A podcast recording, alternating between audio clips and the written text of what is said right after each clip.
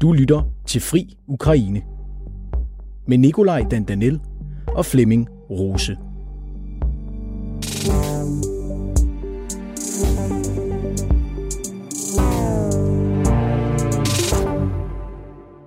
Velkommen til Fri Ukraine, afsnit 103. Mit navn er Nikolaj Dananel. Jeg er journalist her på Frihedsbrevet, og jeg skal i dag forsøge at styre slagets gang her i studiet. Og det er jeg helt sikker på, at du kan, Nikolaj. Ved min side har jeg altid veloplagt Flemming Rose. Velkommen. Tusind tak, Nikolaj. I dag der skal vi øh, omkring krigens moral. Og når vi taler om moral, så er det ikke som sådan i normativ forstand, men vi skal kigge på, hvordan krigen går set fra et psykologisk perspektiv, og hvordan det står til med viljen til at kæmpe, motivationen til at kæmpe, og hvem påvirker hvad. Og øh, med til at gøre os klogere på det, har vi fået besøg af dig, Lennart Skov Jeppesen. Velkommen til. Tak skal du have. Du er major og master i organisationspsykologi og lærer ved Institut for Ledelse og Organisation. Og så beskæftiger du dig øh, på Forsvarsakademiet med moralen blandt soldater. Og hvis vi skal starte med en status, altså set mellem gennem psykologiske briller, hvad er så status på krigen i Ukraine lige nu? Jamen lige nu så står vi faktisk et rigtig spændende sted, fordi at øh, ukrainernes sommeroffensiv gik jo ikke helt som forventet, øh, og russerne presser lidt på for øjeblikket, og det gør egentlig, at lige nu så står vi i, i sådan en udmattelseskrig, hvor det er kampen om vilje. Hvem, hvem vinder øh, krigen? Og der er vi ikke så meget i, øh, hvem vinder landområder lige nu og her, men hvem, hvem mister egentlig viljen på kamppladsen til at kæmpe?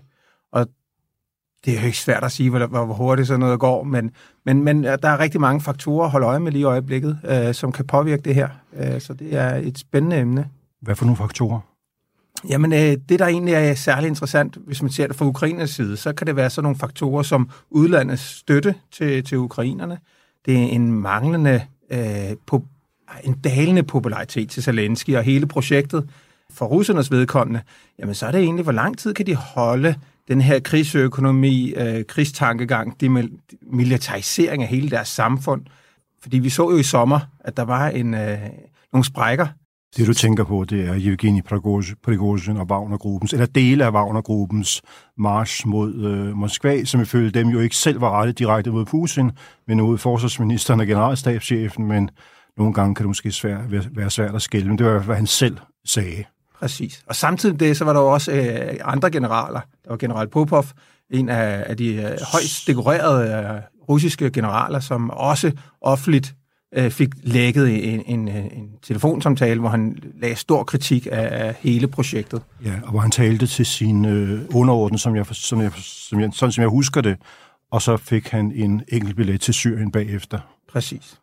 Ja. Øh, men, men, men det der han jo skete... ikke en enkelt billet, men han blev i hvert fald sendt til Syrien. Ja. Han er stadig general, men han er flyttet ud af teatret i uh, Ukraine, ja. Præcis, og det der vel egentlig sker der, det er jo egentlig, at noget af den utilfredshed, som har luret i hele systemet, den, den, den fik frit, frit lue, og, og, og fortællingerne er nu ude, som er vel blevet mere officielle, hvis man kan sige det sådan. Ja når vi taler om øh, krigen i et psykologisk perspektiv, altså hvad er det så for en kampplads, vi ser på? Fordi den, den traditionelle krig, der ved vi, at det er noget med kampvogne, soldater og fremrykninger og minefelter og alt det her, men når vi taler om psykologisk krig og en status herpå, altså hvad er det så egentlig for elementer, som er, er med her?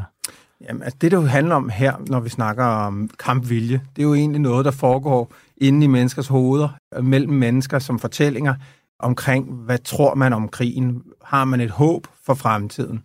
Ja. Øh, og hvis vi sådan kigger på kampmoral som, som begreb, øh, som sådan et gammelt begreb, som, som, som de militære enheder rigtig har taget til sig, så handler det rigtig meget om entusiasme og vedholdenhed for at løse en gruppes opgaver. Og en gruppe her, det skal jo se som 50, 100.000, 500.000 mand. Øh, så entusiasme og vedholdenhed. Så det er de to primære ingredienser. Så det er lidt anderledes en motivation, som man normalt vil snakke om i en normal organisation, fordi den luksus er der ikke nødvendigvis på en kampplads. Ja. Øh, og det er også der, hvor entusiasmen minder måske lidt om, om motivation, men vedholdenheden, det er jo egentlig den, vi skal se nu. Det er jo det lange, lange, seje træk, øh, hvor man dag ud og dag ind står i, i skyttegrave. Nu har vi en lidt kold dag i dag, men, men øh, i Ukraine, så, så har de måske minus 20 grader øh, sådan en dag her. Og der står øh, soldaterne i, i skyttegrave, som, som var det første verdenskrig. Der er konstante beskydninger af dem.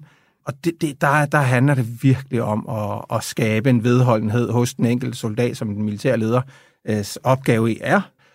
Øh, og spørgsmålet er, om, om man kan blive ved med det. Og vi har, ja. En populær fortælling i vores del af verden, som jeg tror, man godt kan forstå, hvad driver, det har jo været, at russerne ikke havde moral, og at ukrainerne havde moral. Men det, du siger her, Lennart, antyder i virkeligheden, at nu er det måske sådan mere 50-50, det er ikke så klart. Øhm, er det fordi krigens gang har ændret sig, eller fordi vi måske i begyndelsen i virkeligheden fejllæste russernes øh, motivation eller vilje til at slås? Eller er det bare det her med, altså når man har været i en krig i næsten to år, så er der en inerti og en dynamik, som bare bliver selvforstærkende, uafhængigt af, hvad øh, motivation og moral har været i udgangspunktet. Mm. Altså, der er ikke nogen tvivl om, at russerne har kæmpet med en lav moral. Men altså, man kan jo godt have en lav moral og så stadig kæmpe. Fordi frygten for ikke at kæmpe, den er større. Og der har man de militære systemer jo ofte militære straffelov, det har russerne jo også, øh, som gør, at man, man straffer dem, som ikke øh, leverer øh, på kamppladsen. Og der er en, en, en indgroet frygtkultur i, i, den, i den russiske her. Det er der også i den ukrainske. Altså, for de har jo på samme måde en militær straffelov, som sikrer, at de givende ordre, de bliver levet ud, selv når det gør rigtig ondt, og, og, og det ikke er sjovt. Men, men det er rigtigt, at vi kan ikke se det som enten, enten har man kampmoral, eller også har man. Så, så, så det er sådan et spektrum, øh, som går øh, fra en eller anden skala, fra, fra de meget, dem, der har meget høj kampmoral, til dem, som egentlig øh, mister fuldstændig gejst, hvor enheder kollapser. Og vi så faktisk, at det er jo så nok øh, et år siden, øh, forrige efterår, hvor ukrainerne angreb op ved Kharkiv, og hvor kæmpe store landområder overgik til ukrainerne, fordi de faktisk fik presset på så meget, så øh, russerne ikke kunne mønstre et, et, et ordentligt tilbagegang eller et, et forsvar. Og der sagde man jo sådan lidt, lidt kægt, at øh, Rusland blev den største våbenleverandør øh, til Ukraine, fordi de kom til at efterlade rigtig meget materiel, både køretøj og ammunition, men også rigtig mange fanger. Så, så, så det, det var et eksempel på, hvor, hvor det hele kollapsede. Var det psykologi og moral, der var udslagsgivende for, at det endte som det endte? Ja, det vil jeg mene. Altså en, en god taktisk øh, manøvre, som gør sådan, så at en enhed, man, man, man snakker om, at enheder kan komme ud af chok, eller komme i en choktilstand, altså helt ud af balance. De kan ikke finde ud af at, at, at, at lave nogle koordinerede manøvrer, og krig handler i bund og grund jo om at lave manøvrer, altså bevægelse, og, og, og rykke sin ild, altså sin, sin våbenvirkning. Men, og det kunne de ikke der overhovedet. Men en, en, en anden måde for at se det her på, det er, øh, hvis du tager den russiske fortælling, det er, at øh, russerne i virkeligheden blev overrumplet. Mm. Altså det, det, var, det var et overraskelsesangreb. Og i stedet for at tage kampen op, og måske tabe endnu flere folk, så valgte man at trække sig over på den anden side af floden. Ja, man, man opgav øh, territorium, men der er en diskussion, om det i virkeligheden var et kollaps, eller om det var en eller anden mere eller mindre organiseret eller uorganiseret tilbagetrækning. Ja. Det man så ved Kherson, det var jo en, en forholdsvis organiseret øh, tilbagetrækning, hvor de trak sig som, over floden. Som var to måneder senere præcis. nede sydpå. Ja, ja præcis. Um, ja. Det, det, det stiller mig af spørgsmål, det her. Det er, når der er et, et spørgsmål, om det er et kollaps eller en strategisk manøvre, så er det vel der, vi er inde ved det svære spørgsmål, når man kigger på krigens moral og psykologi, det er, at i sidste ende, når du siger til at begynde med, at det, det er noget, der foregår inde i soldaternes hoveder, så er det vel rigtig, rigtig svært at finde svar på de her spørgsmål, vi sidder og omtaler nu. Altså, hvad, når du skal forsøge at svare på, hvad der er udslagsgivende inde i soldaternes hoveder for, at ting sker, øh, hvad, hvad kan du så egentlig læne dig op af? Jamen, du, du har fuldstændig ret. Det her det er ekstremt vanskeligt, og det har det været for, for militære enheder siden tidernes morgen. Øh, så hvis vi ser tilbage til 2. verdenskrig, så det man gjorde der, det var at lave sådan nogle kæmpe store kvantitative undersøgelser, hvor man måske havde 500.000 mand. Så så man, hvor mange havde skudt sig selv i foden, altså selvskadet, hvor mange deserterede, hvor mange øh, øh, adlød ikke ordre, øh, osv. osv.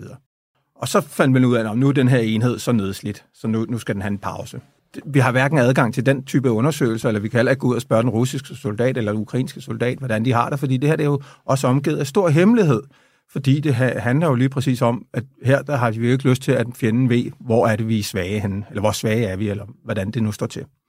Så der, hvor vi kan se det, det er, øh, hvor, hvor, hvor det ikke går, som det øh, ønskes. Vi kan se det i de her udtalelser, som Prigozhin eller general Popovs udtalelser, der er en masse øh, videoer, som også florerer på nettet, hvor russiske soldater øh, fortæller om, at øh, nu er vi blevet indsat i noget, der er helt tåbeligt, vi har ikke ammunition nok, vi har ikke fået mad, eller vores militære ledere er, er, er dårlige.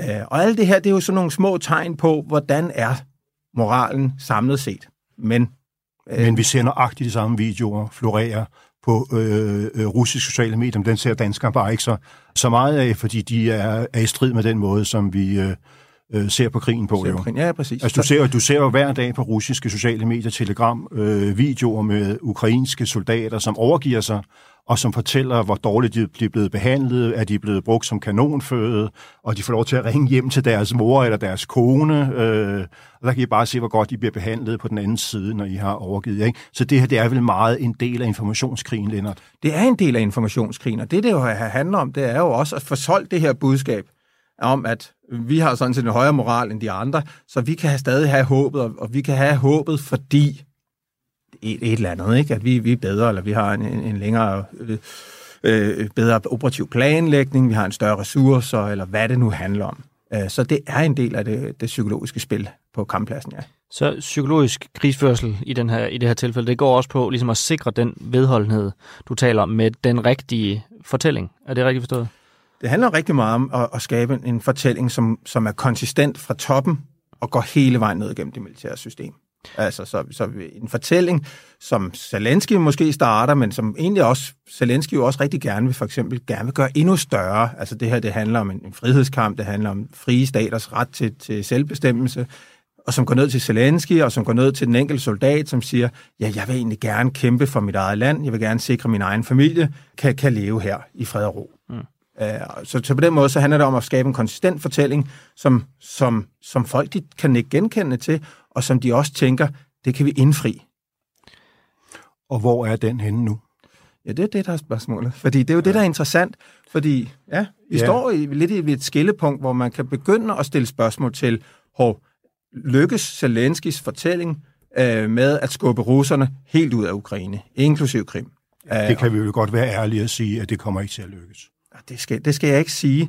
Øh, det, det tror jeg ikke, jeg har belæg for at tid er ikke forbi. Nej, det ved jeg ikke. Men, men, men, men... Hvordan, hvordan, hvordan forestiller du dig konkret det? Nej, det, når, det når... Jeg, jeg, vil, jeg vil hverken sige det ene eller det andet, fordi det, er jo, det her det er svært at sige. Ja. Men man kan i hvert fald sige, der skal der ske noget andet på kamppladsen, hvis det her projekt skal lykkes med at få skubbet dem ud. Og der er der jo virkelig, altså der kan vi ikke, der kan vi ikke nøjes med bare at kigge ind i Ukraine, der er vi altså også nødt til at se ud i omverdenen og se på, hvad er det for en støtte, de får. Fordi vi kan jo se, at hver eneste gang ukrainerne har fået støtte fra, fra Vesten, det kan være kampvognene, så har det lige øget moralen. Artilleripjæser, så har det øget moralen. Kampfly. Men nu står vi også der, hvor Ukraine sådan set øh, har fået adgang til, til rigtig meget af det her type materiel. Så er det stået noget med mængden. Men, men sommerens øh, operationer viste jo, jamen, de, de kunne ikke ved hjælp af vestens kampvogn, vestens øh, artilleri, bryde igennem den der kæmpe mur af, af forsvarsværker, som, som russerne har lavet. Men, men, men øh, Lennart, er der ikke også en faktor her, som handler om, at i, i Ukraine er det jo hele nationen, der slås, og i princippet så kan man mobilisere eller rekruttere alle, øh, som er i en vis øh, aldersgruppe. Og dem, der havde lyst til at slås, dem, der var de mest motiverede, de har sådan set for længst forladt øh, kamppladsen, og dem, man begynder at rekruttere nu, de er både ældre, og de er mindre motiveret. Jeg kunne godt tænke mig at høre dig i den forbindelse. Der er i øjeblikket en stor diskussion i Ukraine om, Zelensky sagde lige før jul, at øh, herrechefen havde bedt ham om at mobilisere et sted mellem 400.000 og 500.000 mand. Og så er man gået i gang med at formulere en ny lov, hvor man vil sænke kravene til, hvem man kan mobilisere. For eksempel skal det være muligt at mobilisere folk, som er invalide som mangler et øje eller en lunge, øh, som normalt ikke ville blive mobiliseret. Og den her lov er rent faktisk blevet sendt tilbage til regeringen, fordi der har været kritik af den, og nu kommer der til at gå flere uger, øh, sandsynligvis før den bliver vedtaget. Og hvis man ser på tidligere mobiliseringsrunder, så er der tal fra de her lokale rekrutteringskontorer, som siger, at nogle steder er det måske kun et sted mellem 10 og 20 procent, af dem, man rent faktisk ville mobilisere. Og jeg hørte forleden dag øh, Zelenskis tidligere talsmand, øh, Oleksiy Aristovich, som nu er i USA, fordi han er under efterforskning, som sagde, at 4 millioner af 8 millioner ukrainere i den værnepligtige alder ikke har ville aflevere deres persondata til rekrutteringsmyndighederne. Ikke fordi de var sikre på at blive indkaldte, men fordi risikoen eller muligheden var der. Altså, hvordan, hvordan, hvordan ser du det i, i den her øh, diskussion om mobiliseringslov og øh, moral og de andre ting, du har ja, gjort opmærksom på? Så, så det er jo tilbage til ordet vedholdenhed. Altså, det er også en nations vedholdenhed for at, at, at gå det her igennem. Og, og der er det jo klart, at øh, øh, til at starte med, så, så tænkte alle, at vi kan lykkes med det her projekt. Ja, og den, den tvivl, den er nu kommet ind i og, og, og bider sig fast. Plus vi måske også er nu ude at rekruttere nogen, som oprindeligt ikke tænkte, at militæret skulle være noget for dem, og, og så videre, og så videre. Så det her, det er vanskeligt. De har også snakket om at, at sænke alderen til, til, til værvningen øh, i den forbindelse. Jo Fra 27 til 25 år. Til 27 til 25. Og der går man jo også på køb med noget af det, som egentlig var tanken, at folk de skulle have lov til at uddanne sig, få børn og stifte deres familie, og så skulle de ind og tjene. Så, så på den måde så har de også haft en, hvis vi kobler til den danske øh, måde at gå til værnepligt, altså, så, så vil man ikke start, øh, lave den prioritering. Så det er da helt sikkert, det er et hårdt slag, men, men, men det er jo der, hvor vi hvor, hvor, hvor Zelensky og Ukraine er nødt til at mobilisere det nødvendige antal soldater, fordi det her det er en udmattelseskrig. Og det er en udmattelseskrig også på antallet af soldater. Ligesom det er på antallet af kampvogne, antallet af artilleripjæser, øh, granater, ammunition, økonomi osv. osv. Så det er på alle fronter, der bliver kæmpet. Jeg, jeg, jeg hørte forleden dag, at øh, i en udmattelseskrig, der spiller moral ikke den samme store rolle som i øh, krige, hvor der er større mobilitet, og hvor fronten og de steder, hvor krigen føres, er forskellige. Er det korrekt? Det, det får vi at se jo. Det tror jeg faktisk ikke på. Øh, okay. Forstået på den måde, at det, der, det kan da godt være, at vi kan håndtere de enkelte soldaters øh, lyst og vilje lige nu og her, men det handler jo altså også om, hvor meget øh, vilje har de til at gå ind i krigen og udfordre øh, modstanderen. Så, så, så, så, så, så det kan da godt være, at vi, og det er jo der, vi skal væk fra den der dikotomi, men enten har man det, eller også har man det ikke. Men, men en enhed, der har en høj kampmoral, har jo også et højt tro og håb på, at det kan lykkes. Og de har altså også lyst til at angribe mere, eller opnå mere af de målsætninger, de egentlig øh, skal opnå. Hvis vi ser på russerne, så kan man sige, de har nok ikke haft en høj kampmoral. Altså, der, der har været noget, der svækket. Det har været måske en manglende formål med, med operationen. De har ikke fundet nogen nazister. De har ikke, de har ikke kunne se, at de skulle befri de her mennesker. Øh, så, så hele projektet og formålet har været vanskeligt at se. De, de er øh, på fremmed territorie, øh, så de er ikke i deres eget hjem, hjemland, øh, hvor de kæmper en kamp.